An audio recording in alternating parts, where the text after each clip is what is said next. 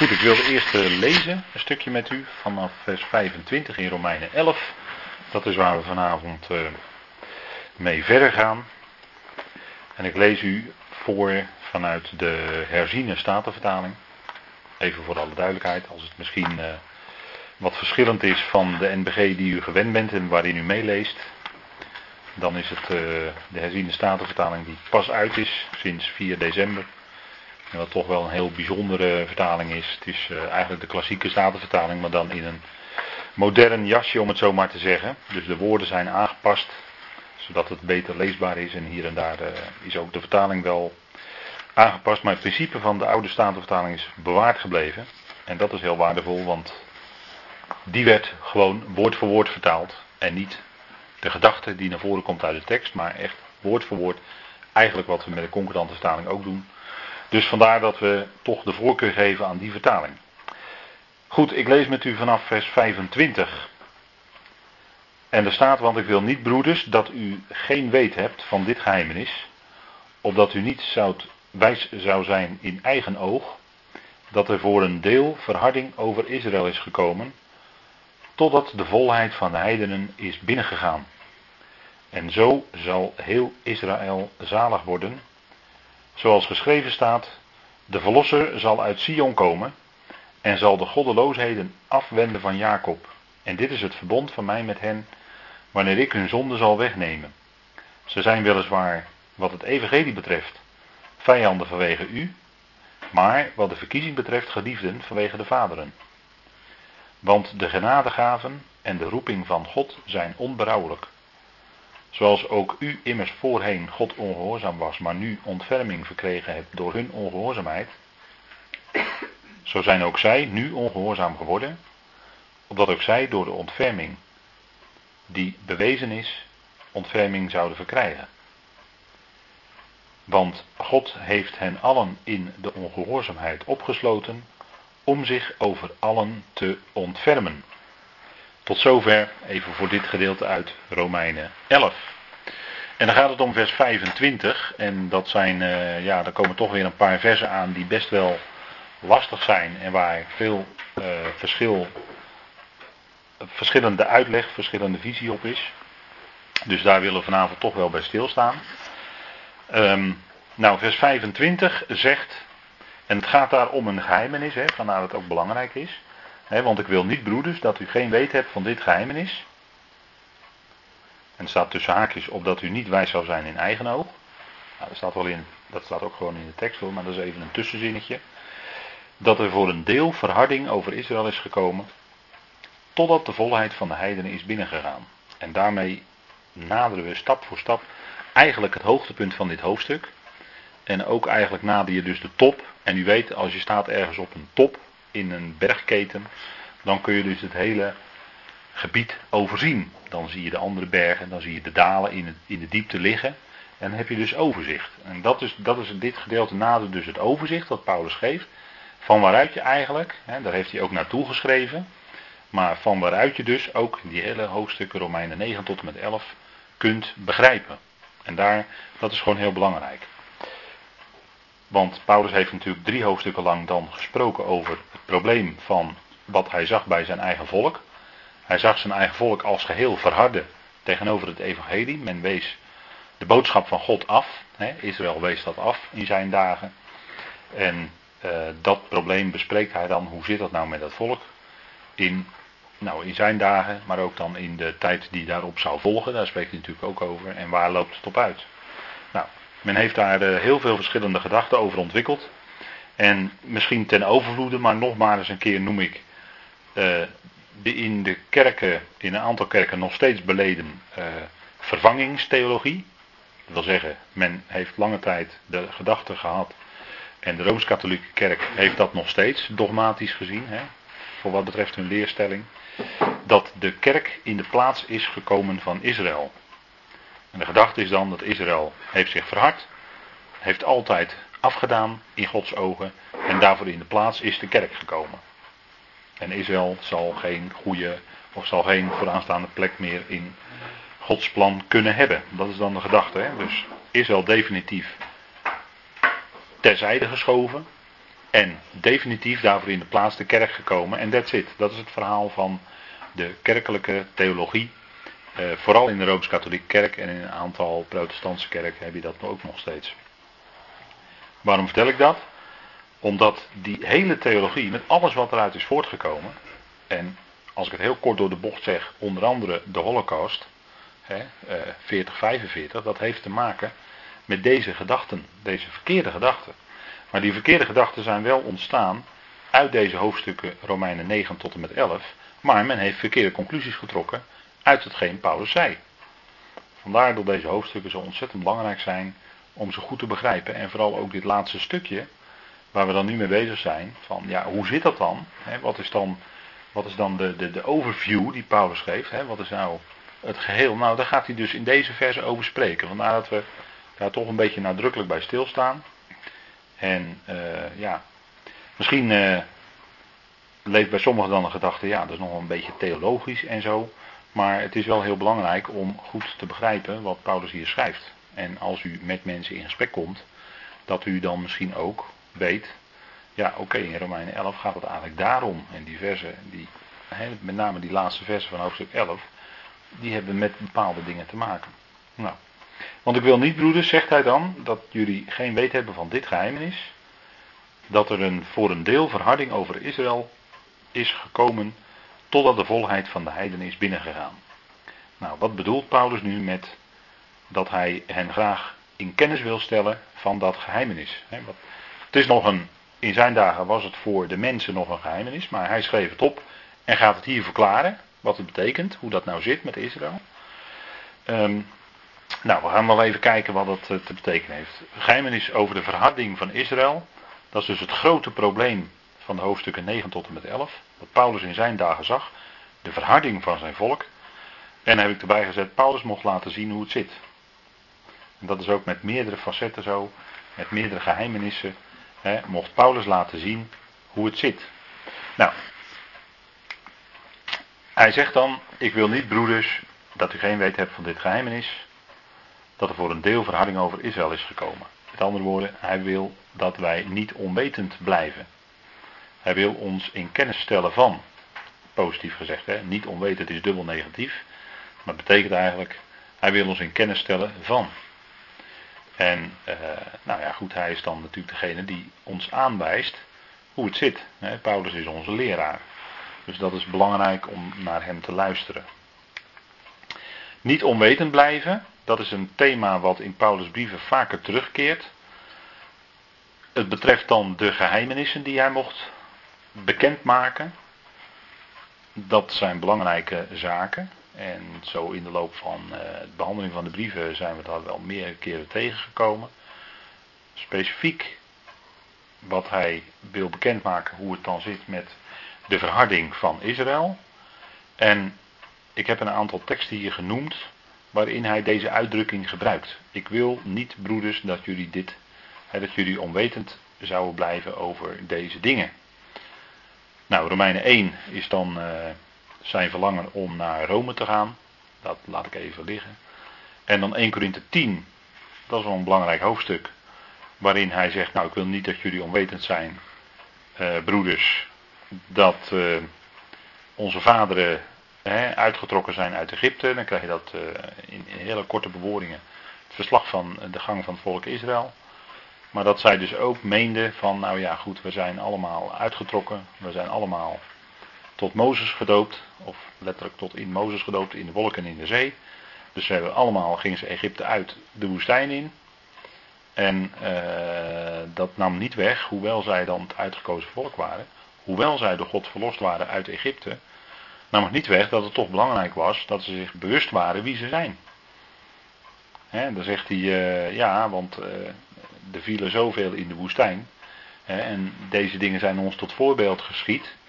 Ze hebben alle gedronken uit de geestelijke rots die met hem meeging. Dat was de Christus, de wolkolom en de vuurkolom.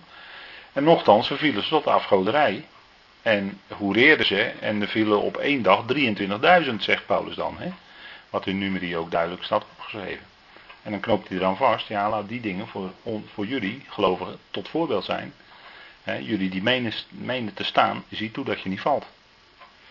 Het heeft nog niets, dat uh, zegt niets over je lid zijn van het lichaam van Christus, maar het zegt wel over je positie, je status, wie je bent en hoe je leeft. Daar zegt het natuurlijk wel iets over. En dat, dat spiegelt Paulus dan aan de hand van de geschiedenis van het volk Israël. Uh, ons tot voorbeeld. Niet alleen de Corinthiërs, waar nogal wat aan de hand was. Maar ook natuurlijk voor ons als gelovigen vandaag. En dat wilde Paulus graag ons laten weten. Dat is zo'n voorbeeld. Van dat hij zegt van ik wil niet dat jullie onwetend zijn. En dan haalt hij dus een geschiedenis aan en trekt dat wel als voorbeeld. Die dingen zijn allemaal ons tot voorbeeld gebeurd, hè, die opgeschreven staan. Dus daarmee heb je ook gelijk een hele geweldige functie van het Oude Testament, zoals we dat dan noemen. Dat is ook allemaal ons tot voorbeeld geschreven. Ook die hele woestijnreis van Israël. Hè, wat zij allemaal deden en hoe dat allemaal ging en hoe zij bezig waren. Nou ja, dan zie je gewoon, ja, het zijn gewoon mensen. En dat zijn wij ook.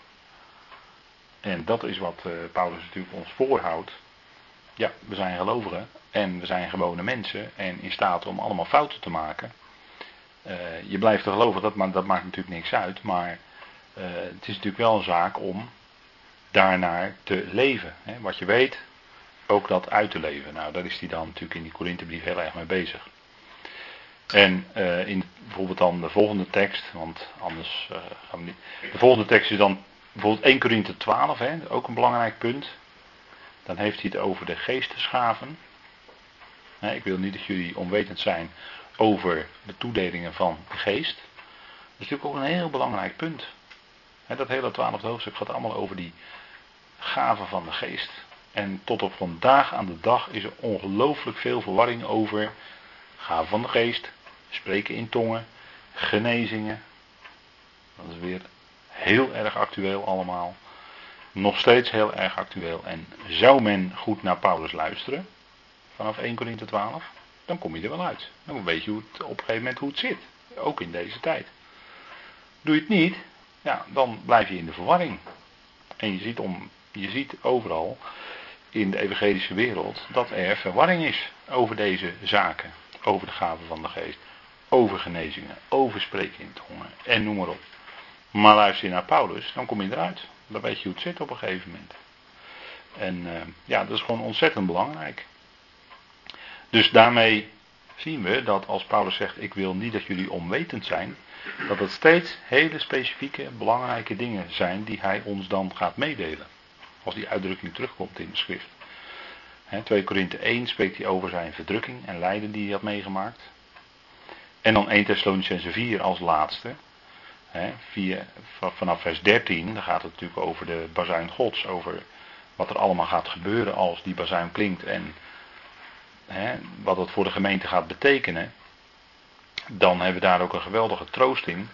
Dat we weten hoe dat zit en dat diegenen die ons ontvallen zijn, degenen die gestorven zijn, dat die uh, niet achter zullen blijven als wij uh, de Heer tegemoet gaan. Hè, als wij de Heer gaan ontmoeten in de lucht. Als we hier van, hier van deze aarde weggerukt worden.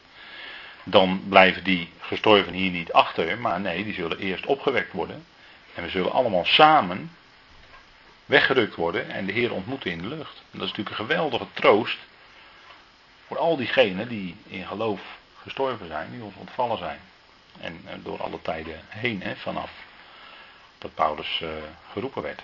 Nou, ik denk dat het ook heel belangrijk is. En daar zegt hij ook weer: Ik wil niet dat jullie onwetend zijn over deze dingen. En dat maakt dus heel iets bijzonders, iets heel bijzonders bekend. Nou, dus de, en als eh, punt hier dan in Romeinen 11 gaan we dus over de verharding van Israël verder nadenken. En dat zegt Paulus, omdat jullie niet eigenwijs zijn. En uh, wij als mensen hebben dan wel eens de neiging om uh, wijs te zijn in eigen oog. En uh, ja, onze eigen stellige mening die wij hebben steeds maar vast te houden, ten koste van alles soms. Ja, en dat kan natuurlijk leiden, oh, hè, dat, heb, dat plaatje even gekozen, dat je dan met de ruggen naar elkaar toe staat. Dat kan zelfs het gevolg zijn. Hè? Als je eigenwijs bent. Ja, allebei eigen mening. Je vindt dat je allebei gelijk hebt. En uh, er waren in de dagen van Paulus waarschijnlijk ook wel allerlei meningen over hoe het zit met Israël. Maar uh, Paulus gaat dan toch schrijven. En ja, dan zouden toch alle gelovigen daarnaar luisteren. Hè, dat beluisteren en zich daarnaar richten. En dat accepteren, zoals Paulus dat dan zegt, dat dat zo is. Dat is denk ik heel belangrijk. Hè, juist als gelovigen. Onder gelovigen wordt, natuurlijk ook heel veel eigenwijzigheid gevonden. Hè, dat men zegt van, uh, uh, ja, ik vind dat het zo is. Ik denk dat het zo is. En ik denk, en dan komt die visie van die persoon, zoals die er tegenaan kijkt. Maar dan gaat het niet om ik vind en ik denk. Daar gaat het helemaal niet om. Dan gaat het natuurlijk uiteindelijk wel om wat heeft die schrift ons te zeggen. En wat zegt Paulus ons? Voor ons heel specifiek. De schrift in het algemeen, maar Paulus in het bijzonder. Dat blijft toch een hele specifieke, gerichte boodschap voor de gemeente. Dan moet je toch uiteindelijk bij Paulus zijn. Kan niet anders. Die de genade zo predikte zoals geen ander dat deed. Opdat jullie niet eigenwijs zijn. Nou, uh, Spreuken die zegt daar natuurlijk iets over. Meerdere teksten hoor in Spreuken. Want daar kun je hele mooie spreuken over vinden. Althans, uh, mooi in de zin van goed gezegd. Maar het kan ook natuurlijk best zijn dat zo'n spreuk in je hart prikt. Hè, dat je daardoor aangesproken weet. Wees niet wijs in je eigen ogen, zegt Spreuken 3. Hè? Vrees Yahweh en keer je af van het kwaad. Nou, dat staat natuurlijk in, in, in het tekstverband van. Ken hem in al uw wegen, dan zal hij uw paden recht maken. En je kan ook tegenover de Heer eigenwijs zijn. Dat je eigenlijk wel weet welke kant de Heer op wil met je. Dat je toch halstarrig je eigen mening of je eigen weg blijft vervolgen. Dat is ook eigenwijsheid, maar dan tegenover de Heer. Hè? Dat kan. Maar de spreuken zegt dan: wees niet wijs in je eigen ogen. Vrees Yahweh en keer je af van het kwaad. Nou, wat zou het kwaad nou zijn in dit geval?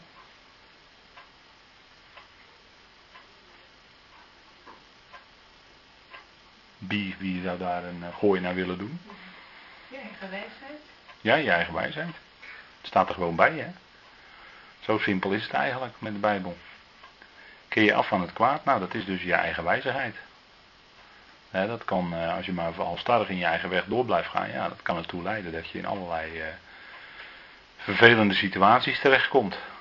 En ja, dan is dat een stukje kwaad wat je overkomt. Nou, dat is wat Paulus uh, citeert dan ook later weer in Romeinen 12, vers 16. En daar gaat het ook om eensgezindheid. En dat zegt hij in een zinnetje met eensgezindheid. Nou, we hebben het toch open liggen. Even kijken. Romeinen 12. Daar komen we natuurlijk eh, binnen afzienbare tijd wel in terecht. Maar dan nemen we even een, uh, alvast een voorproefje. Een, hoe noemen ze dat? Een aperitief. Als je echt gaat eten. Nou, Romeinen 12 vers 16 zegt, wees eensgezind onder elkaar. Nou, die komt ook lekker binnen natuurlijk, hè, bij gelovigen, zo'n uitspraak van Paulus. Wees eensgezind onder elkaar. Streef niet naar hoge dingen, maar houd u bij de nederige. Wees niet wijs in eigen oog. En dan heel merkwaardig, hè. Kijk, Spreuken 3 noemt dan het kwaad, hè. Maar dat is heel gek dat in vers 17 Paulus ook over het kwaad spreekt. Vergeld niemand kwaad met kwaad. Met andere woorden, het lijkt net of hij zegt, maar dat is even misschien een hele vrije interpretatie van mijn kant. Dat hij zegt van, als je nou dat kwaad tegenkomt, dat iemand tegenover jou heel erg eigenwijs is, dan kan je natuurlijk daartegenover heel erg eigenwijs ook volhouden. Maar wat je dan bereikt is dat je met de rug naar elkaar toe staat. Dat is een stukje kwaad, hè? want dan is er geen eensgezindheid. Paulus zegt eerst in vers 16: Wees eensgezind onder elkaar. Ja. Nou, en wat daar natuurlijk dwars doorheen kan fietsen, is een stuk eigenwijzigheid. Van iemand of van een groepje. Dat kan. Nou, streef niet naar de hoge dingen, maar houd u bij de nederige. Wat zou Paulus dan bedoelen? Streef niet naar de hoge dingen. Misschien moet je proberen iemand af te troeven om te vertellen hoe het echt zit. Of iemand ja, hoog, ja. Hoog, ja. Rijkdom. Kan het ook zijn. Materiële rijkdom daarna streven, ja. En, en die geeft ook opzicht, als je nou een gemeente bent. Even als geheel, even als geheel geredeneerd. Als hele gemeente. Wat? Wat zeg je? Positie in de gemeente. En dat is niet geest. Positie in de gemeente. Dus eh, een, een bepaalde positie in de gemeente willen nastreven. Ja. Dat, heeft- dat heeft ook mee te maken. Ja, ja, ja, ja. Iets hoogs. Wat zou er nog meer kunnen zijn? Wie? Iets hoogs en nastreven. Maatschappelijk, daar gaat hier niet over. Nee. Nou ja, goed, je kan natuurlijk als gemeente bepaalde dingen na willen streven, maar dat kan misschien ook wel eens eh, zodanig eh, hoog gegrepen zijn dat je eigenlijk als gemeente zou kunnen realiseren van ja, is dat nou wel de bedoeling om op zo'n manier bezig te zijn. Goed, ik geef maar even mee ter overweging. Streef niet naar de hoge dingen, maar houdt u bij de nederige. Dus het is wel de wijzing die Paulus hier geeft, is wel een gezindheid, denk ik. Hè? Je spreekt natuurlijk een gezindheid uit. Gezindheid van ootmoedigheid. En dan wees niet wijs in eigen oog. Hè? Eigen wijsheid heeft al natuurlijk vaak geleid in de geschiedenis, ook nog in de wel recente geschiedenis van Nederland, tot allerlei kerkscheuringen. Hè? En gemeentescheuringen. Want die kunnen er ook wat van. Nou, wees niet wijs in eigen, dat heeft allemaal daarmee te maken. Vergeld niemand kwaad met kwaad. Dus dan haalt Paulus dat, e- dat eh, eigenwijs, dat haalt hij gewoon aan uit spreuken. Dat stond gewoon al in de spreuken. En dat citeert hij dan. Hè. Dus dat is wat Paulus ook gelijk zegt, als hij het heeft. Dan gaan we even terug naar Romeinen 11. Paulus wil hen dat geheimenis bekendmaken. En wat zegt hij? Opdat jullie niet eigenwijs zouden zijn. Dat jullie niet wijs zouden zijn in eigen oog. Dus hij wil iets duidelijk maken, waarover in die tijd kennelijk ook al veel eigen meningen bestonden. Hoe dat nou zit met Israël. En nou, ook wat dat betreft is tot op vandaag de dag niet zoveel veranderd. Er zijn ontzettend veel eigen meningen over hoe het zit met Israël. En een vreselijke is, die ik al noemde, de vervangingstheologie. Dat is ook zo'n eigen mening van de kerk. Met een verkeerde interpretatie. Want dat kun je gewoon nawijzen. En dat is natuurlijk heel belangrijk, want ja, waar dat toe kan leiden is natuurlijk enorme antisemitisme. En dat is ook wat vandaag aan de dag hand over hand toeneemt. Er is een eh, statistiek en het gaat niet om grote aantallen. Het gaat dan om enkele tientallen per jaar, rond de 60. Maar er zijn toch Joodse mensen die uit Nederland vertrekken.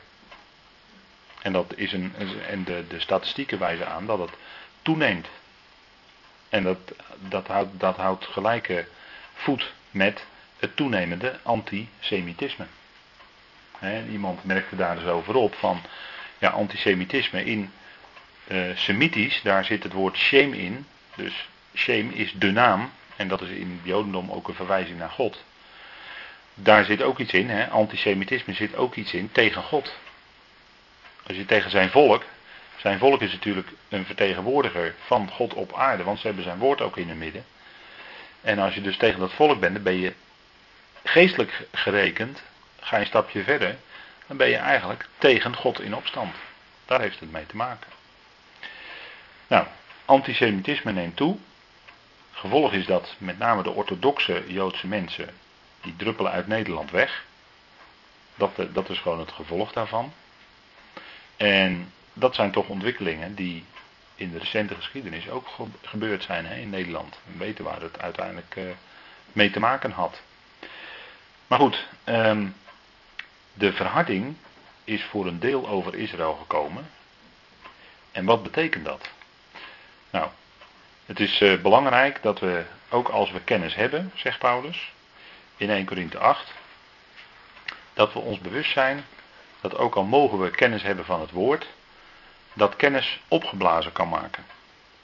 Dan lijk je op zo'n ballon. En je hoeft er maar even met een klein speldje in te prikken en je weet wat er gebeurt.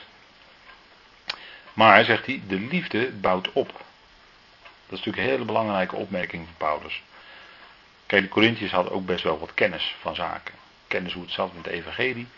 Rijkdom aan kennis hadden ze gekregen. Maar die kennis kan opgeblazen maken. En die Corinthiërs waren dan de een tegen de ander opgeblazen. En die vormt dan ook groepjes. Die vormt dan ook partijen. Maar wat zegt Paulus daarvan, van, hè, in het verband daarmee? Kennis kan je opgeblazen maken. Kennis van het woord is goed, kennis van hem is goed. Alleen kennis van het woord kan je ook opgeblazen maken. De een tegen de ander. Dat was bij de Corinthiërs aan de hand. Maar wat bouwt nou op? Nou, dat is de liefde. De liefde bouwt op. Dat is wat in een gemeente bouwt. Elkaar vasthouden, elkaar liefhebben. Dat is hetgeen wat echt opbouwt. En uh, daaraan ondergeschikt is dan, ja goed, tuurlijk, het is fantastisch als je kennis hebt van het woord en die kennis neemt toe. Dat is geweldig, want dat verdiept ook je kennis van God. Alleen het kan ook verkeerd werken. Nou, de liefde bouwt op, zegt Paulus. Laten we dat ons bewust zijn. Nou, wat geldt in deze tijd? En dan zetten we toch even deze tekst van Romein 11, vers 25 in het kader, hè, in het tekstverband waar het in staat. Wat geldt in deze tijd? Nou, God was in Christus de wereld met zichzelf verzoenende. Door hun hun krenkingen niet toe te rekenen. En hij plaatste het woord van de verzoening in ons. Nou, dat is natuurlijk een geweldige uitspraak over hoe het zit in deze tijd. Gods verzoenende evangelie gaat over deze wereld uit. God grijpt niet rechtstreeks in. Hij, hij strekt zijn verzoenende handen naar ons uit. Die wereld heeft verzoening nodig. God was in Christus de wereld met zichzelf verzoenende. En hij rekent die krenkingen niet toe. Wat de volkeren hem ook aangedaan hebben in de afgelopen 2000 jaar, God reageerde daar niet op. Waarom niet? Omdat het vrede is. Omdat hij vrede heeft gemaakt. En daarom ook de ergste krenkingen, ook zijn volk aangedaan. God reageert er niet op. En hij plaatste het woord van de verzoening in ons. Dat is ook wat we in ons hebben. Hè, dat is wat we in ons hebben. We hebben dat in ons ontvangen.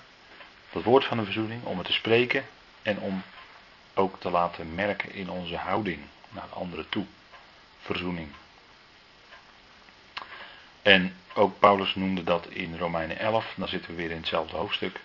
Want als hun verwerping, dat is dus Israëls verwerping, de verzoening voor de wereld betekent. Dus dat loopt gelijk op, hè. Het is hun verwerping. Israël werd verhard. En tegelijkertijd gaat die boodschap van verzoening uit over deze wereld door Paulus. Nou, dat is even de geestelijke lijn hè, die we vasthouden. En hij zegt dan een gedeeltelijke verharding, 11 vers 25. Dat is dus in deze tijd aan de hand. Er is voor een deel verharding. En dat woord verharding, dat is in het Grieks het woord porosis. En dat heeft te maken met eelt. En bekend is natuurlijk dat onder je voetzolen daar eelt kan ontstaan. Hè? En dat, is, eh, dat heeft ook wel zijn nut natuurlijk, want als je loopt, dan, uh, dan, wordt het, dan zijn je voetzolen toch wat ongevoeliger voor, ja, laten we zeggen, oneffenheden en noem maar op. Dus het is toch ook een beetje bescherming. Maar eelt, wil zeggen? Nou, dat is een laagje huid wat erop groeit, maar wat je wel ongevoeliger maakt. En dat is wat met Israël dus ook gebeurd is. Ze zijn verhard, ze hebben een, als het ware een eeltlaag over hun hart ten opzichte van het evangelie. Ze zijn daar ongevoelig voor. Dus het evangelie vindt bij Israël als volk als geheel geen ingang. En dat is tot op vandaag aan de dag nog steeds zo. als je het over het volk als geheel bekijkt, dan zijn ze of eh, ongelovig, of liberaal, joods of orthodox. En die drie groepen, die noem ik dan, want dat, dat is eigenlijk het grootste deel van het jodendom. En die zijn ongelovig. En je hebt natuurlijk een aantal uit het volk die wel in de Heer Jezus als hun Messias geloven. Die zijn dan gevoelig geworden voor het evangelie. En die Messiaanse gemeentes, die erkennen de Heer Jezus Christus als hun Messias, als hun redder en hun verlosser. En terecht natuurlijk. Maar als volk als geheel is verhard. Het is gedeeltelijk, dat heeft een dubbele betekenis. Het is namelijk niet het hele volk wat verhard is, dat heb ik net gezegd. En ook niet voor altijd. Ook dat, die tijdsbepaling, staat ook heel nadrukkelijk in dit vers. Hè? Dat is echt zo'n woord waar je dan echt aandacht aan moet geven. Omdat het belangrijk is. Nou, er is een gedeeltelijke verharding. een eeltlaag. En die gedeeltelijke verharding, dan is de grote vraag, blijft dat? Of zal dat een keer opgeheven worden? Nou, eigenlijk de vraag stellen is, is hem al beantwoorden. Maar er is een gedeeltelijke verharding over Israël. En dan komt het sleutelwoord eigenlijk van deze tekst. Totdat. En er staat dan in het Grieks een woord. Dat heeft te maken met. Het, het, komt tot een uiterste. Maar het zal wel een bepaalde grens bereiken. Het zal wel in tijd ook beperkt zijn. Het komt op een gegeven moment aan een bepaald tijdstip en dan is het voorbij. Totdat. Vertalen we het nou, is in het Nederlands goede, goed woord ervoor. Dus die gedeeltelijke verhouding is over Israël. Totdat. En dat heeft te maken met dat geheimenis. Israël ging opzij, als het ware, in Gods spoor. Dat zien we in het boek Handelingen gebeuren. Daarna begon, en eigenlijk al tijdens die verhouding, die ontstaande verhouding, de roeping van het lichaam van Christus. En dat heb ik dan ook tussen haken gezet, omdat het als het ware een soort tussengeschoven tijd is, een parenthese, totdat die volheid van de natie binnengaat. En dat in uw vertaling staat er dan is binnengegaan, maar dat is een helaas qua tijdsvorm een beetje een, een, een niet zo'n goede vertaling. Eigenlijk gaat het om binnengaat. Het is een handeling die actief dan aan de gang is. Het is niet is binnengegaan, maar het is binnengaat. En Paulus zegt dit nog met het oog op de toekomst. En het is voor ons ook nog steeds toekomst. Nou, totdat de volheid van de natie binnengaat. Dat is dus eigenlijk wat hier Paulus zegt. En die gedeeltelijke verharding, dat is een heel moeilijk punt geweest. Daar heeft men allerlei verkeerde conclusies ook aan verbonden en dat eigenlijk ontkend in het geestelijke denken. En die volheid van de heidenen, hè, dat tot dat heeft men uh, eigenlijk overgeslagen. En dan die volheid van de heidenen. Ja, wat is dat? Want ik kan het uh, wel proberen te gaan zeggen. Maar wat is dat? Wie heeft daar een gedachte over? Wat is nou die volheid van de heidenen? Die binnengaat. Hier Bijbel van mijn vader. Kennis staat een verwijzing. Opname van de gemeente. Ja. Klopt dat? Dat is wat je zou denken, hè? Ja. dat is het niet. Nee, dat, eh, dat, dat is, ja. Kennelijk ligt dat toch anders. Ja, ja, ja, ja. Het is heel logisch om dat te denken. Opname van de gemeente of wegrukking. Maar het is heel logisch om dat te denken, maar toch is dat het niet. Hè? Als je goed leest, dan zegt Paulus dat eigenlijk niet. En geeft hij ook geen aanwijzing dat dat het is. Dus ja, dat is natuurlijk wat voor de hand ligt hoor. Iedereen, of veel mensen die wel in die bazuin gods geloven, die denken dat. En het is op zich heel logisch als je op die gedachte komt. Alleen als je goed leest, dan komt Paulus daar toch eigenlijk niet helemaal naartoe. Naar dat uh, punt. Dus totdat de volheid van de heidenen is binnengegaan. Hè, of totdat de volheid van de heidenen binnengaat. Nou ja. Maar als dat er nou niet is, wat, wat zou u dan Dat kunnen denken? Dat iedereen geroepen is. Ja, dat lichaam compleet is. Totdat iedereen geroepen is. Ja, maar dan zeg je toch eigenlijk van dat die volheid van de heidenen, dat dat hetzelfde is als het lichaam van Christus. Zeg je eigenlijk, hè? Of bedoel je dat niet?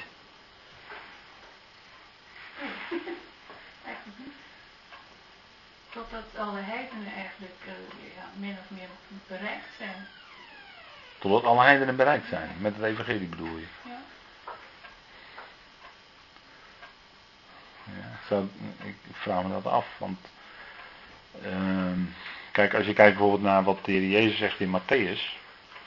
Dan zegt hij, dit evangelie van het koninkrijk zal gepredikt worden tot de getuigenis van alle volken. En dan zal het einde komen. Maar daar gaat het natuurlijk specifiek Om, het evangelie van het koninkrijk. En we praten nu natuurlijk over het. eh, we praten over de. eh, over de volkeren hier. En we praten over.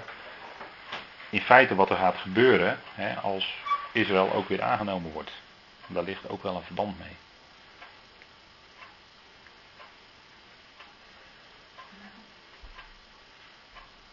Dus die evangelie van het koninkrijk, dat het getuigenis zal eh, zijn voor alle volkeren, dat daaruit geroepen wordt. Nou goed, die gedachten nemen we mee. Gedachten nemen we mee. Het zou misschien zelf nog wel kunnen zijn dat het toch daar wel iets mee te maken heeft. Ja, goed. Maar we gaan even verder. Nee, daar komen we nog op. Komt, het antwoord komt nog wel. Ja, ik wilde eventjes vooruit. Uh, het geheimenis van Romein 11 vers 25. Nou, wat is nou precies dat geheimenis? Dat kan je ook nog gaan vragen. Hè? Is het nu, is nu dat geheimenis die gedeeltelijke verharding? Is dat het geheimenis? Dat Israël niet helemaal verhardt, maar ten dele. Hè, voor, een, voor een deel, niet, niet 100% van het volk, maar laten we zeggen 90%. Is dat nu het geheimenis wat Paulus bedoelt? Of zou nog iets anders kunnen zijn?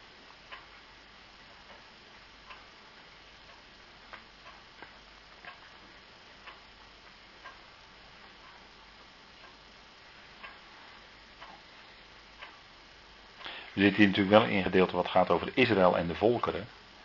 Dus je kunt je voorstellen dat het geheimenis iets te maken moet hebben met, met het volk Israël als geheel.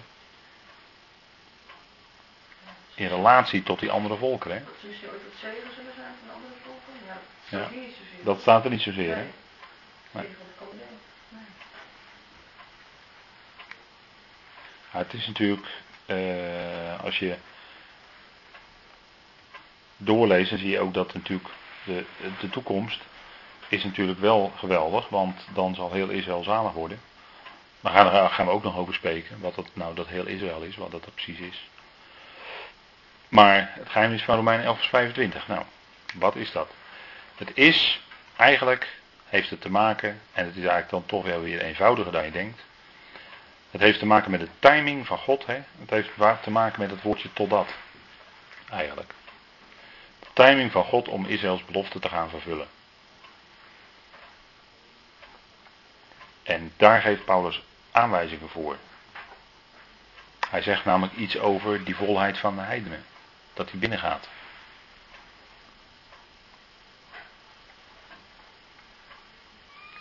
Dus het heeft te maken met de tijd wanneer God zijn belofte aan Israël gaat vervullen.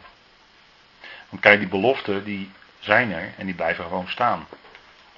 Dat is ook waar men veel over heeft nagedacht van Kijk eens naar het gedrag van Israël. Ze zijn vijandig tegen het evangelie. Ze moeten er eigenlijk helemaal niks van hebben. En als je orthodoxe joden gaat benaderen, dan kan je in je gezicht gespuugd worden en noem maar op. Kan natuurlijk, Paulus werd gestenigd, achterna gezeten, met de dood bedreigd verschillende keren. Kreeg de 40 min 1 slagen. Noem alles maar op. En daaruit zou je kunnen denken van nou, als het volk Israël zich zo gedraagt, dan zal God zijn belofte vast wel terugtrekken. Maar dat is natuurlijk niet zo. Nou, daar geeft Paulus ook nog wel antwoord op. Nou, het geheimenis dus heeft te maken met Gods timing om Israëls belofte te vervullen. De klok die u ziet is de Big Ben hè, in Londen. Nou, kijk, de volheid van Israël, daar heeft Paulus ook iets over gezegd. Ook in hetzelfde hoofdstuk. Zegt hij, als hun uh, wegwerping de verzoening van de wereld is, hoeveel te meer hun volheid. Wat zal dat dan niet betekenen? Hè? Het negatieve, een wegwerping, dat betekent aan de andere kant, zo wonderlijk werkt God, betekent de rijkdom voor de wereld, hè, betekent de verzoening van, van die natie. En zegt Paulus, hoeveel te meer hun volheid. Hè, als hun vol, en dat, dat gaat natuurlijk nog komen, hun volheid. Als God zijn zegen, zijn volle zegen weer gaat geven aan het volk. Nou, zo wordt hier in vers 25 gesproken over de volheid van de natie, dat die binnengaat. Daar moet dus een relatie tussen zitten. Als je eerst het woord volheid gebruikt voor Israël, eerder in het hoofdstuk, en gaat daarna spreken over de volheid van de heidenen, van de natie, in dit vers, dan moet daar een relatie tussen liggen. En dat is wat, uh, dat is dan ook, komen ietsje een stapje verder naar de verklaring van wat is nou die volheid van de natie. Daar, dat heeft dus verband met elkaar. En Paulus slaat eigenlijk uh, dat, dat gedeelte over zeg maar, van wat wij weten, de bezuin Gods, En als die heeft geklonken, dan komt Israël in de benauwdheid, in de verdrukking enzovoort.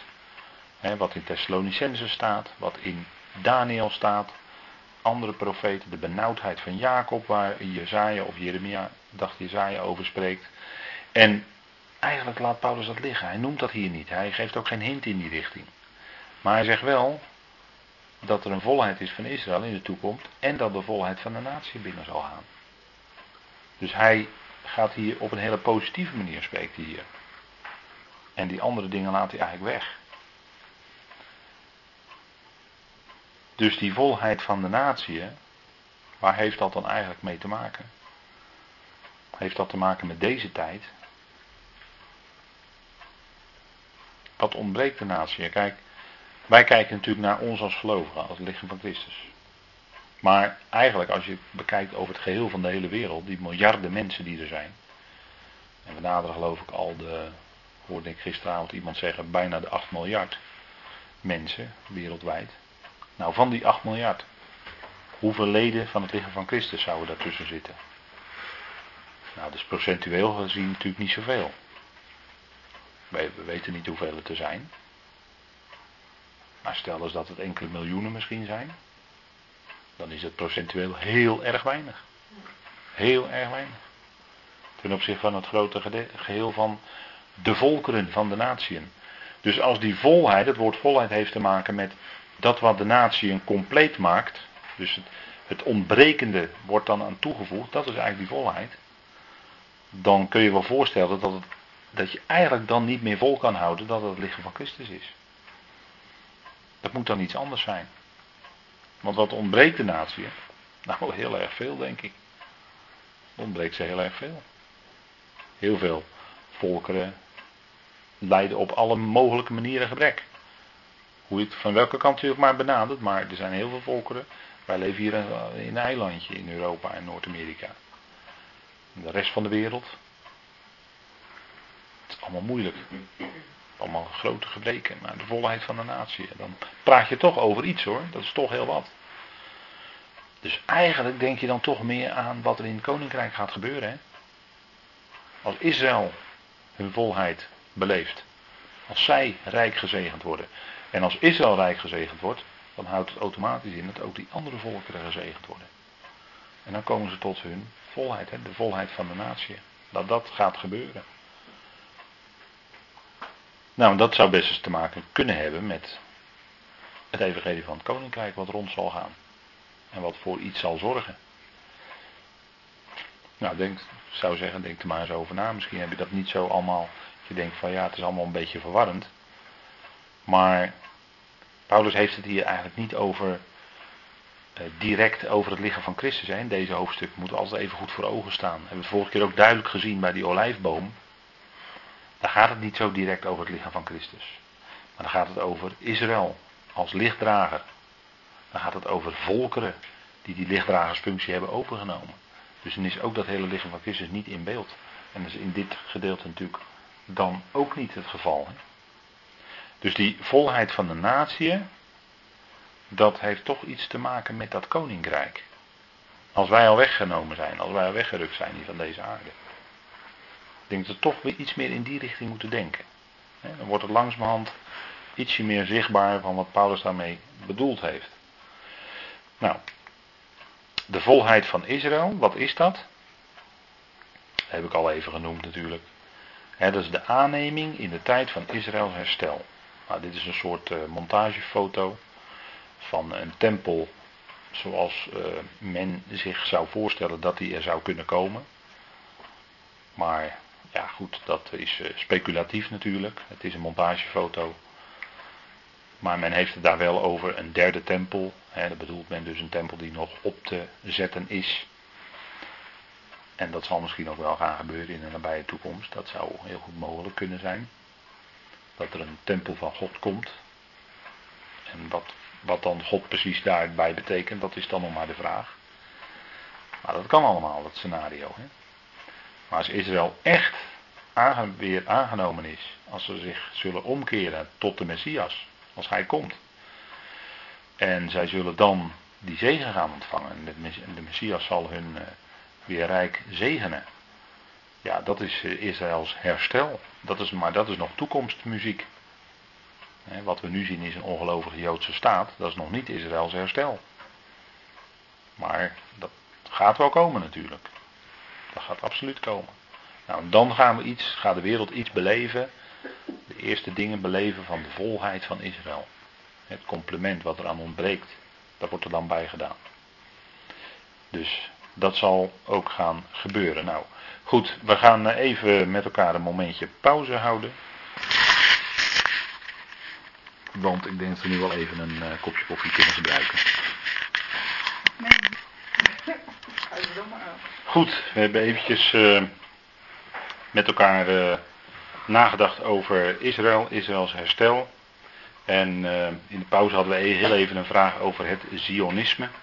Nou, het Zionisme is een beweging die eigenlijk puur politiek is.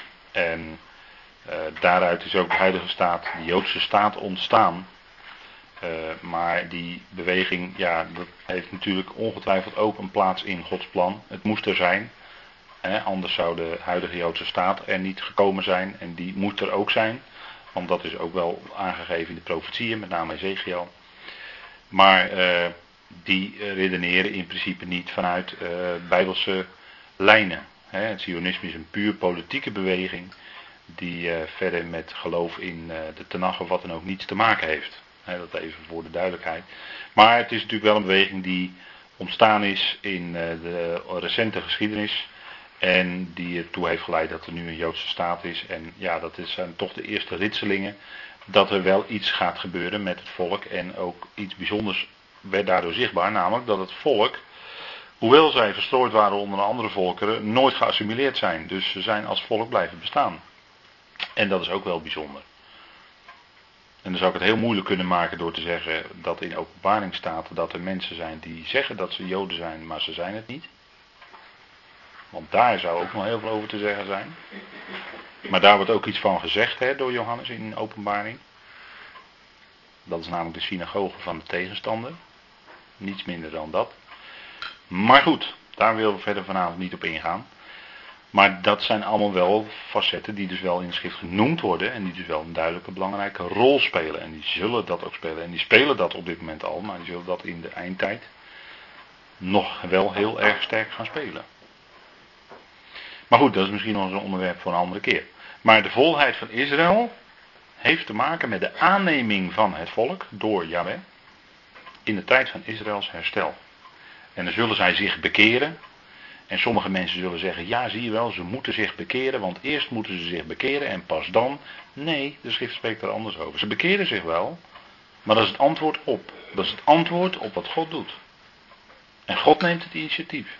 Absoluut. En dat blijkt hier ook uit Romein 11. En dat ze zich dan omkeren, ja zeker. Dat zal zo zijn, omdat zij dan die geest van God ontvangen. En als die geest in hun gaat werken, dan keren zij zich om. Maar in de gedachten van mensen wordt er dan omgekeerd en die zeggen dan, zie je wel, kijk, de Joden moeten zich ook bekeren en dan zal God hun zegenen. En zo moeten de mensen zich ook bekeren en dan zal God hun pas gaan zegenen. Nee, dan draait het om. Dan draait het om. Als God in een mens werkt, gaat de mens een andere richting krijgen in zijn leven. Als God door zijn geest in een hard werkt, dan gaat het woord werken. En dan kan een mensenleven inderdaad een enorme ommekeer meemaken. En dat kan heel radicaal zijn. Dat is fantastisch als het gebeurt. Maar dat is het werk van Gods geest in die mens. Nou, de volheid van Israël, dat is ook de tijd waarin Israël omgekeerd zal zijn. Dan zullen ze inderdaad tot geloof komen, tot bekering komen. Jawel, zeker. Verandering van denken, absoluut. Ze zullen Jezus als hun Messias gaan erkennen. Volheid van Israël. Het zal een geweldige tijd zijn.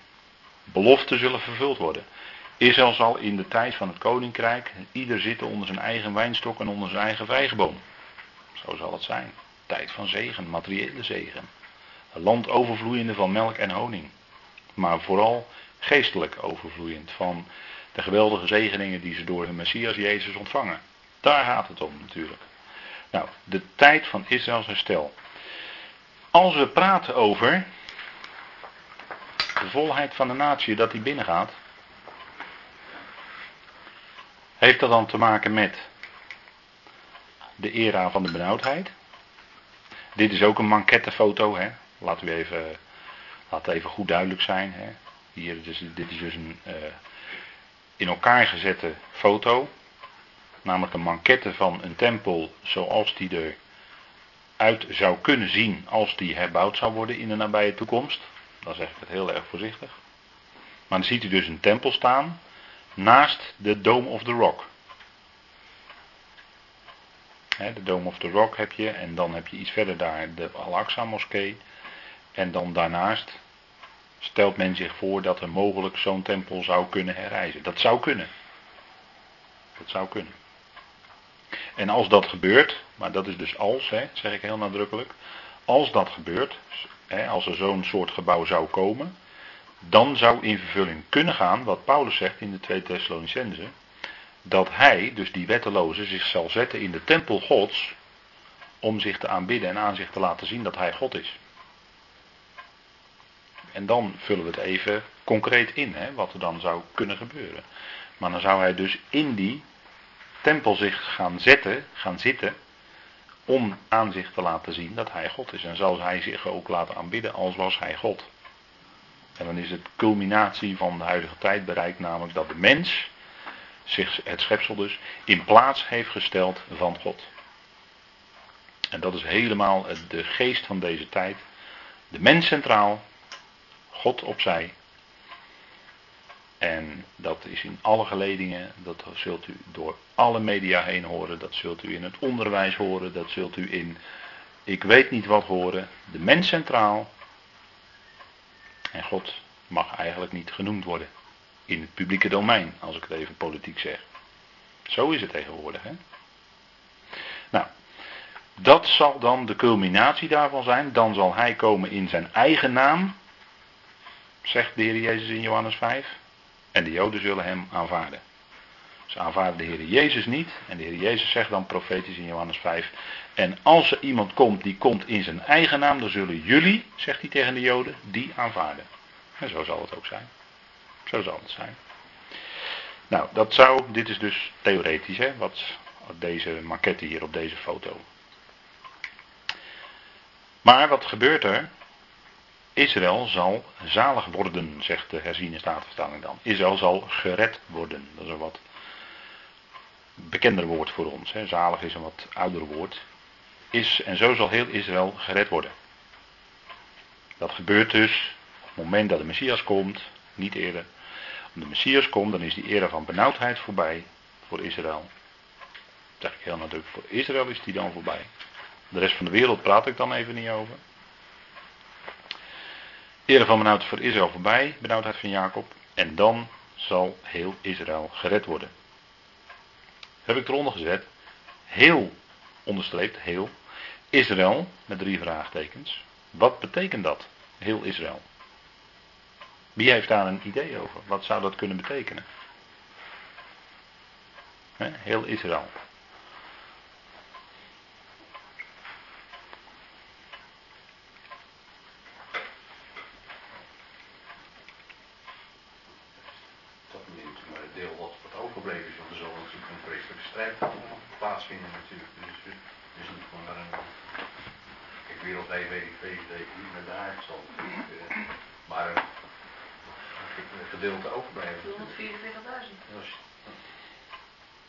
Okay. Ja. Even Guus, een, eh, ja, ongeveer ja, thuis komt dadelijk op, maar... Dat inderdaad nou precies ja? 144.000 zijn inderdaad gezegd. Een rest. Jij zegt het overblijfsel, een rest. Ja, inderdaad. Want er zal twee derde van het volk wat in het land is, zal gedood worden in ieder geval, hè, staat in de profetie. Dus er blijft dan een derde over, die zullen dan verlost worden. Dus dat is dan een deeltje van dat hele Israël. 144.000 zeg je. Nou, die zijn verzegeld, dus die, daar kunnen ze nooit aankomen. Dus die horen er sowieso bij. Die 144.000 zullen waarschijnlijk, laten we zeggen, evangelisten zijn. Die dus dat hele evangelie van het koninkrijk over de aarde gaan eh, prediken. Waar we het voor de pauze over hadden. Dit evangelie van het koninkrijk zal tot een getuigenis gepredikt worden aan alle volken. En dan zal het einde komen. En dan kun je natuurlijk gelijk afvragen, wie zullen dan getuigen aan al die volken? Nou, dat zouden die 144.000 wel eens heel goed kunnen zijn. Het zijn er heel wat. En die zullen dan speciaal toegerust zijn, zijn ook verzegeld aan hun voorhoofd. Dus die zijn ook speciaal toegerust door de Heer om zoiets te kunnen doen. Dus dat is heel goed mogelijk dat die dat gaan doen. Maar die zullen dan inderdaad ook eh, op de berg Sion staan, hè, staat ook in de openbaring, 144.000. Dus die zullen, en daar zal ontkoming zijn door de Messias. Dus die horen daar ook bij, bij het hele Israël. En wie heeft er nog, nog een aanvullende gedachte daarbij? Dus 144.000. Het overblijfsel wat in het land is en wat gelooft. Wat niet gedood is door de, door de, de, andere, de anderen daar die daar de macht hebben. Laat ik maar even mijn woorden inslikken. De anderen die daar dan de macht hebben. Maar wie, wie, wat zou er nog meer bij kunnen horen, eventueel? Bij dat heel Israël.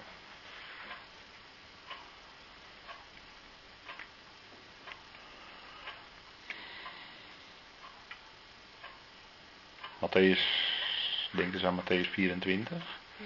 Als de Heer komt, wat gaat hij dan doen? Schapen en de bokken scheiden, ja.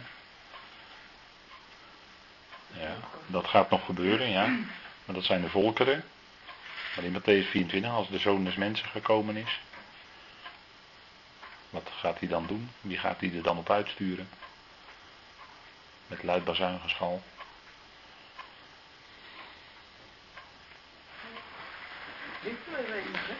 Nou, nee. Dus ik probeer een hint te geven. Ik denk, eh, misschien is iemand die zich denkt van, hé, hey, oh ja.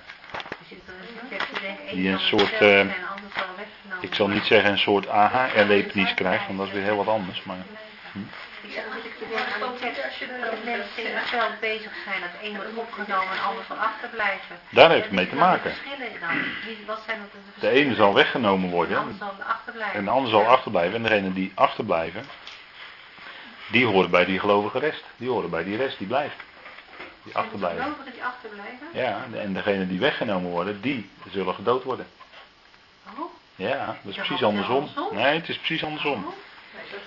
Ja, dat dacht ik ook altijd totdat ik een keer goed uh, erin op gewezen werd, met mijn neus opgedrukt werd. Ja, toen was, ja, toen was het dus andersom. Ja, de ene, zal achtergela- de een zal gelaten worden, achtergelaten, namelijk in het land, die zijn gelovig. En de anderen zullen weggenomen worden en die zullen dan gedood worden. Oh, ik dacht dat die gaan de Heer. Ja, nee, nee, dat heeft niks met de bazuin te maken. Oh. Helemaal niks. Ja, niet met onze bezuin, maar... Uh, nee. Ander bazuin, ja. Ja, bezuin. Ja, en er zullen heel wat bazuinen gaan klinken, maar ja, dat is allemaal niet zo... De meeste zijn dan niet zo geweldig zoals de bazuin bij ons. Maar goed, uh, even kijken. Vers 31 van Matthäus 24. We zullen het even met elkaar opzoeken. Matthäus 24 een keer behandelen. Nee, de laatste. Ja, dan kunnen we beter uh, wat aparte avonden voor gaan organiseren naast uh, de gewone Bijbelkring.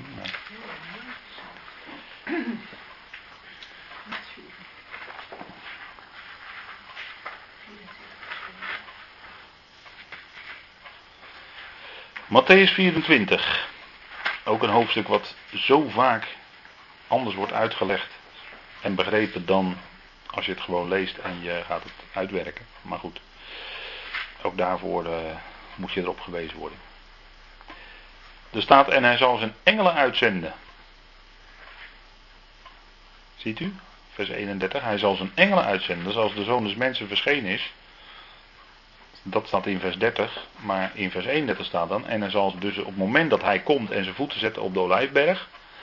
Hij zal zijn engelen uitzenden onder luid bezuingeschal. En ze zullen zijn uitverkorenen bijeenbrengen uit de vier windstreken. Van het ene uiterste van de hemelen tot het andere uiterste ervan. Nou, wie zijn die uitverkorenen? Dat is denk ik heel simpel hè, in dit geval. Wie zijn die uitverkorenen? Ja, we praten helemaal niet over de gemeente hier. Hè. De gemeente is natuurlijk helemaal niet in beeld hier in Matthäus 24. Dat heeft helemaal niets met de gemeente te maken.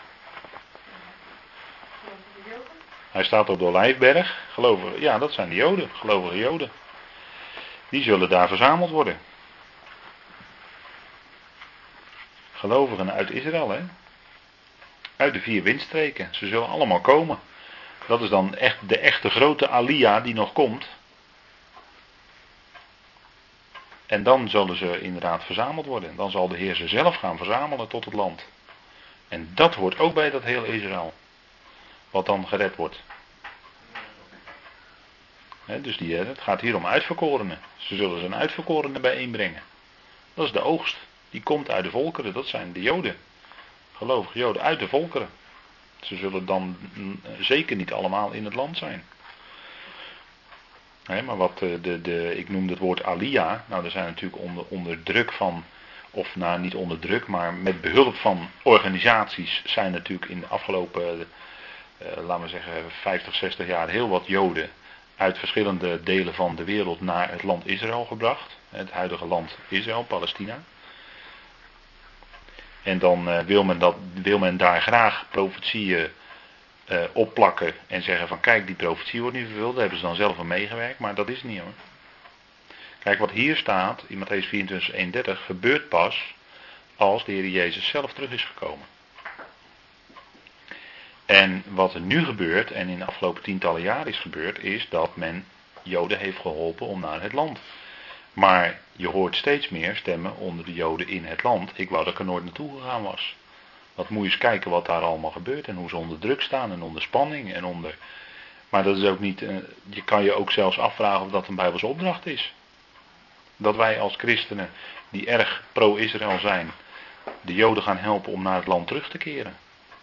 Want kijk maar wat er nog gaat gebeuren in de profetieën. Ik noemde net al, en het is vreselijk, maar het gaat wel gebeuren. Dat twee derde in de tijd van Israëls benauwdheid zal uitgeroeid worden in het land. Dat staat in de profetieën en dat gaat nog vervuld worden. En dat is helemaal niet prettig. Het is vreselijk, want het is Gods volk en dat zal enorm moeten lijden. Dat is dan door het toedoen van de antichrist. Ja, daar komt het op neer, ja. En van de wettelozen. door machthebbers. En van de wettelozen. Degenen die dan de macht hebben, die zullen verschrikkelijk antisemitisch zijn, maar dan ook verschrikkelijk. Nou, en dat zal dan blijken. Want ze zullen gedood worden. En ik meen dat je ook nog zelfs kan uit de schrift kan afleiden hoe. Maar hoe dat eh, is niet zo prettig allemaal. Dat is ook profetie. Maar dat is dus wat gaat gebeuren. En als je deze dingen weet, dan sta je niet meer zo te trappelen om Joodse mensen te helpen terug te gaan naar Israël. Nee, dat is een. eh, Ja, ze de dood in. Ja. Ja, precies, ja. Je- Dat is heel kort door de bocht. Maar in feite, hè, op, op termijn gerekend, wat er gaat gebeuren nog allemaal. De tijd van de benauwdheid van Jacob. Dat gaat allemaal nog gebeuren. Maar zou dat niet over heel de wereld dan ook? Ja, het antisemitisme is al over heel de wereld. Want het is natuurlijk dan een wereldrijk.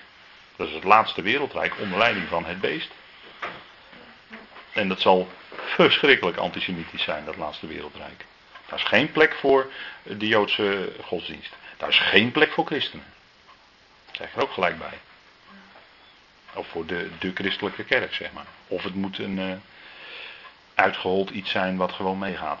Met, met, met, wat met die wind dan meewaait. Nou, is het Nou, dat is even wat anders. in de Bijbel staat dat de mensen de dood niet kunnen vinden? Is dat ook in die periode? Ja, dat, nou ja, dat, gebeurt, dat staat in de openbaring, maar dat zou ik even naar moeten kijken. Dat weet ik zo niet uit mijn hoofd. Nee, nee. Er is wel, dan wel een periode dat de mensen inderdaad de, do- de dood zullen zoeken, Maar, ze zullen hem niet kunnen vinden. Nee, omdat ze dan geen... eh, Ja, dat is een vreselijk, vreselijk iets is dat. nou, nou. Ja. Maar goed, het is allemaal niet prettig om dat te zeggen hoor. Helemaal niet. Het, het is vreselijk wat er met dat volk gaat gebeuren. Maar het staat wel in de schrift. En het is wel profetie. Moet plaatsvinden. Het moet gebeuren. Ja, het moet gebeuren. Dat, dat is het, ja. Er zijn in die periode ook die eh, groep gelovige veilige Joden in Petra. Petra. Ja, die zullen daar veilig zijn, In die 1200. periode ook. Ja, dat heeft met die era van benauwdheid. De benauwdheid van Jacob is 1260 dagen lang. En dan zal dat, dat overblijfsel, de, de gelovigen uit Israël die dat weten, die zullen naar Petra vluchten. En daar een veilige plek hebben. Dat is die vrouw die vlucht in de woestijn, hè, in openbaring Ja. 12. Ja. Dus die zitten dan, als het mij vraagt, ja, daar is ook natuurlijk verschil van mening over. Maar ik geloof heel stellig dat ze daar zullen zitten. En vele, vele uitleggers eh, die denken dat ook. Dat het, eh, dat, ja, er zijn duidelijke aanwijzingen voor profetie. Dus ja, zij zullen daar zitten. Het is natuurlijk een prachtige plaats die vrij eenvoudig te beschermen is. Dat het een hele nauwe doorgang is om daar te komen enzovoort enzovoort. Maar goed, dus dit gaat gebeuren, wat in Matthäus 24, vers 31 staat. Die verzameling en die uitverkorenen die daar dan verzameld worden, zijn diegenen die ook bij dat heel Israël horen. Maar u voelt wel dat, u begrijpt wel dat heel Israël, wat hier Paulus hier zegt, in Romeinen 11, moet je wel in zijn context zien en in die tijd waarin dat gebeurt. En dat is dus niet iedere Israëliet die ooit geleefd heeft. Dan, hè? Kijk, even afgezien van dat God uiteindelijk alles in alle wordt. Daar, even afgezien daarvan. Hè? Maar het gaat even puur om wat hier staat. Hè? Zo zal heel Israël gered worden. Dan gaan we ons afvragen. Hè? We vragen ons nu af, wie is heel Israël? Nou, dat hebben we geprobeerd een beetje in te vullen. Dus we krijgt een idee dat dat heel Israël inderdaad wel heel Israël is, maar wel die groep, die complete groep heel Israël, die dat koninkrijk ingaat. En daar zullen dus heel wat zijn die van tevoren gedood zijn en die het koninkrijk niet zullen ingaan dan. Dus dat is ook weer iets wat je in zijn tekstverband moet laten staan. In welke tekstverband zegt Paulus dit? Hè? In welk verband? Waar gaat het over? Welke tijd hebben we dan over? Ja. Nou, dat is de eindtijd. Hè? Goed, nou, dan gaan we even verder. Want er wordt door Paulus ook iets bijgezegd. Hij haalt de schriftplaatsen aan uit de Tenach. En zegt hij: De verlosser zal uit Sion komen. En de goddeloosheden afwenden van Jacob. Ziet u, de verlosser. Ik heb dat losse onderstreept, want dan komt hij als bekende Hebreeuwse begrip Goel. Hè? Dan komt hij als de grote Goel. Als de grote losser. Laten we zeggen als de grote Boas. Zoals Boas Rut loste. Zo zal Yahweh, de Jezus Christus zelf, zal als losser optreden voor zijn volk. En dan krijgt hij meteen die geschiedenis van Rut een enorme diepgang. Hè?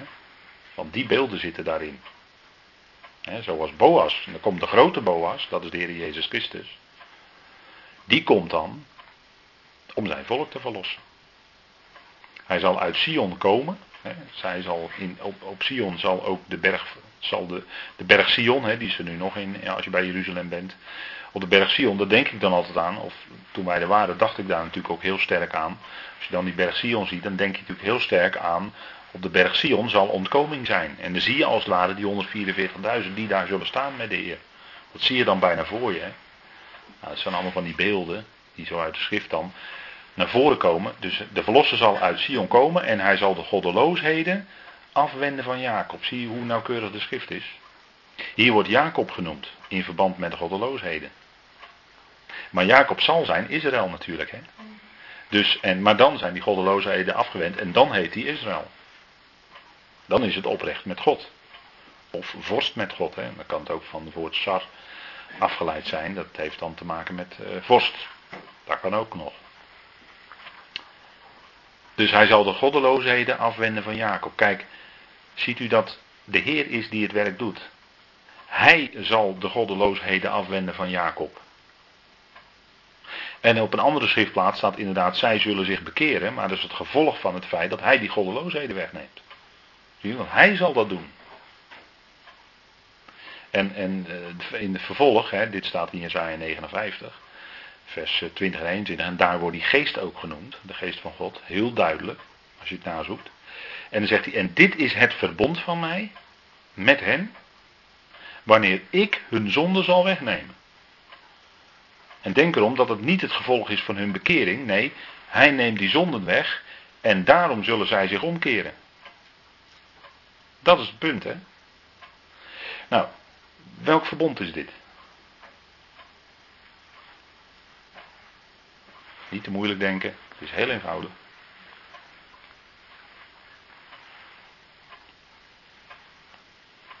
Koninkrijksverbond?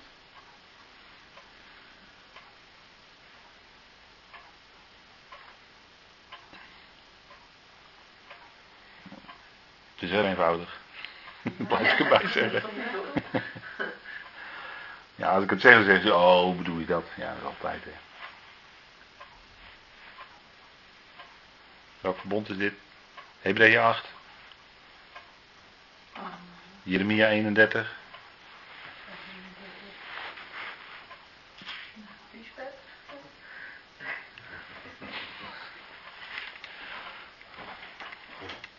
Hebreeën dan? Tekst bij Paulus vandaan, echt Paulus. Nou, Hebreeën denk ik ook dat Paulus, maar goed.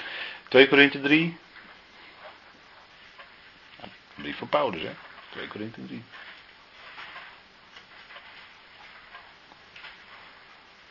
Wij zijn dienaren van het. Wij zijn dienaren van het.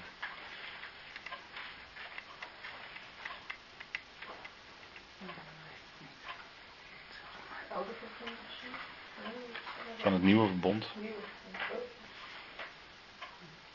Is het nieuwe verbond. Oh ja. Ja, nieuwe verbond, ja. Dit is het nieuwe, dit is het eh, nieuwe verbond gewoon, wanneer hij de zonde zal wegnemen. En zal zijn geest in hun binnenste geven. Dit is het nieuwe verbond, hè. Als hij eh, komt, dan zal hij komen als eh, degene die met hen in dat nieuwe verbond komt. En dat verbond is natuurlijk al, met de discipelen heeft hij daar al over gehad. Dit is het nieuwe verbond in mijn bloed. Maar dit is gewoon het nieuwe verbond. Kijk, het oude verbond was natuurlijk de Torah die op Sinai werd gegeven. Waaraan Israël moest voldoen, maar dat konden ze niet. En daarna komt er dus een nieuw verbond. Wanneer Israël het niet meer hoeft te doen, maar waarin hij zijn geest in hun binnenste geeft. Zodat ze naar zijn weg kunnen wandelen. Dus dat is het nieuwe verbond. Dan zal hij hun zonde wegnemen. En, en wat, wat eh, God dan afsloot met, bij Abraham, zeg maar, dat hij tussen die geslachte dieren doorging? Eh Ja, dat- komen, van op? Nee, ja, dat was het verbond echt met Abraham. En Oké, dat- dat betekent ja, niet echt voor... Nou, dat, ja, ergens zitten daar wel verbindingen in hoor. Want uiteindelijk, kijk, die beloften van Abraham, die liggen daar eigenlijk onder. Dat, Ja, als basis, hè, want de vaderen, Abraham hoort natuurlijk bij de vaderen van het volk. Dus daar heeft het natuurlijk wel relatie mee. Maar het is, ja, oké. Het is wel een, een, uiteindelijk wel een uitwerking van die zegen die aan Abraham beloofd was. Daar heeft het wel mee te maken. Het grijpt natuurlijk uiteindelijk toch in elkaar. Dus het eerste verbond is de wet, die Dat is het oude verbond. Heel Ja, duidelijk. En die konden ze niet houden en daardoor werd het verbond... dat, ze hebben dat verbond verbroken aan alle kanten. En toen werd er in Jeremia al een nieuw verbond beloofd. Het ja, nieuwe verbond. En dit verbond kon in Israël dus ook inderdaad verbreken door het niet te houden, zeg maar. Ja, ze verbraken het eigenlijk direct al. Ja.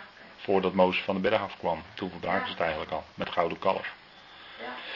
Dus ja. Maar goed, daarom komt, komt er later ook een nieuw verbond. En dat, heeft, dat is dan eh, niet langer, eh, heeft niet langer als voorwaarde dat zij eh, eerst dit moeten doen en dan zal de Heer zegenen. Nee, dus het andersom. De Heer geeft zijn geest in hun binnenste.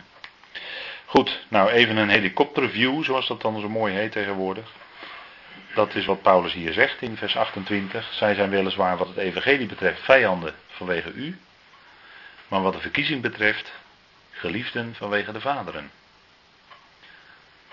Kijk, dat is dus die dubbelheid die in deze tijd nog steeds het geval is. Aan de ene kant zijn ze vijanden. Als je kijkt naar het evangelie, ze staan vijandig tegenover het evangelie.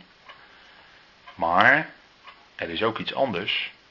Ze zijn ook door God uitgekozen. En dat heeft te maken met de vaderen. De belofte die God gedaan heeft aan Abraham, Isaac en Jacob. En die beloften zijn onvoorwaardelijk. Dat is ook een belofte. Dat is iets wat God zelf gaat waarmaken. En dat is wat ook geldt. En wat eigenlijk de onderliggende stroom van zegen is die God toch aan het volk gaat geven. Die onderliggende belofte is dat zij geliefden zijn vanwege de vaderen. Dat heeft te maken met die belofte, die zegen die hun beloofd is. Dus ze zijn ooit gekozen. Dat had te maken met Gods liefde. Dat had niks te maken met hun prestaties. Of dat ze beter waren dan de rest of zoiets. Maar dat heeft alles te maken met de liefde van God. Dit, dat is de basis altijd voor verkiezing. En zij zijn dus geliefden vanwege de vaderen. Dus vijanden aangaande het evangelie om uwentwil. Want als je deze joden gaat vertellen dat Jezus hun Messias is. Uh-uh. Nee, inderdaad, doe dat maar niet, want ze staan vijandig tegenover het evangelie. En vijandig tegenover de gedachte dat Jezus hun Messias is. Maar wat weegt nou eigenlijk zwaarder, kun je je afvragen. Hun vijandschap of de belofte? Hè? Liggen die beloften in de linkerkant van de weegschaal of in de rechterweegschaal? De rechterschaal. Nou, in dit geval aan de linkerkant. Hè? Die beloften wegen natuurlijk zwaarder. En ligt in die andere schaal wel hun vijandschap. Maar wat de doorslag geeft, wat het zwaarste weegt, is de belofte van God. Uiteraard, hè. Dus ze zijn naar de verkiezing geliefden vanwege de Vader. Dus je kan naar zo'n menigte op twee manieren kijken. Ze zijn aan de ene kant vijanden als het gaat om het evangelie en als je je daarmee confronteert. En aan de andere kant weet je toch dat het Gods geliefde volk Israël is. En dat blijft toch staan natuurlijk. Maar die dubbelheid die is er. En dat, wat, dat bevestigt Deuteronomium ook. Hè? Omdat hij uw vader een lief had, staat er. En hun nageslacht na hen verkozen had. Heeft hij u zelf met zijn grote kracht uit Egypte geleid. Dus het is vanwege, het is voortkomend uit, de bron is Gods liefde. Dat blijft de bron hè, van hun verkiezing. Niet omdat ze zo'n geweldig volk waren, maar het feit dat hij, God, Jaweh, kreeg hen lief en trad met hen in verbond. En wordt ook gezien als een huwelijk natuurlijk. Hè. Het is een huwelijksverbond wat op Sinai werd gesloten. Maar daar hebben we het wel eens over gehad. Naar aanleiding van Romeinen 7. Nou, de verkiezing, wie zijn de vaderen? Nou, Abraham, Isaac, Jacob, Jozef, Ephraim. En dat waren doortrekkers, hè? dat waren Hebreeën, dat betekent degene die voorbij trekken. Iber of Heber, Hebreeën, dat zijn de voorbijtrekkers. En die zijn overal terechtgekomen. Want hoe heet Spanje eigenlijk? Ines, hoe heet Spanje eigenlijk? Nee, hoe heet Spanje eigenlijk? Andere naam? Oh, is het even... Uh, nou, uh, Katal... Nee. Nee? Het Iberische schiereiland, hè? Iberisch. Nou, en Iberisch, dat heeft, te- dat heeft te maken met Hebreeën. Iber is, heeft te maken met Heber, Hebreeën. En er zijn natuurlijk ook eh, Joodse mensen daar geweest. Tot ze daar verdreven werden. Ja, ook.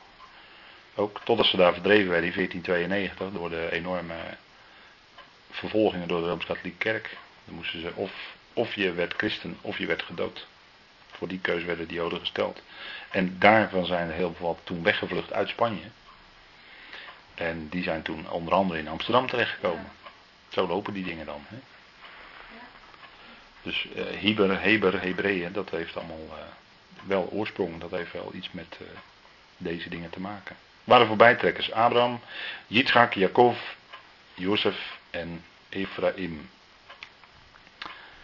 Want, zegt Paulus, en dat is wat altijd bovenaan blijft staan.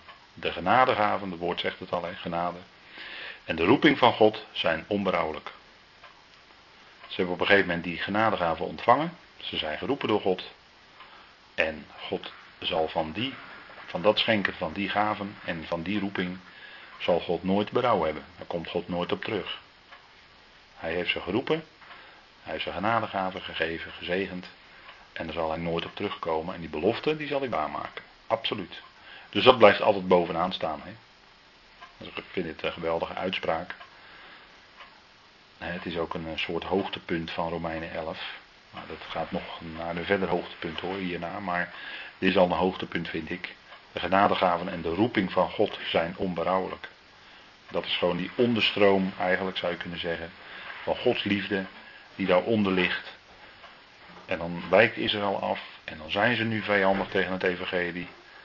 Enzovoort, enzovoort. Er valt heel veel aan te merken op hun wandel, op hun gedrag. Maar toch, Gods liefde blijft en zal hen uiteindelijk toch zorgen dat ze zegen zullen ontvangen en zegenkanaal zullen zijn. Goed, ik wil het hierbij laten voor vanavond. Als er nog vragen zijn, dan hoor ik dat graag.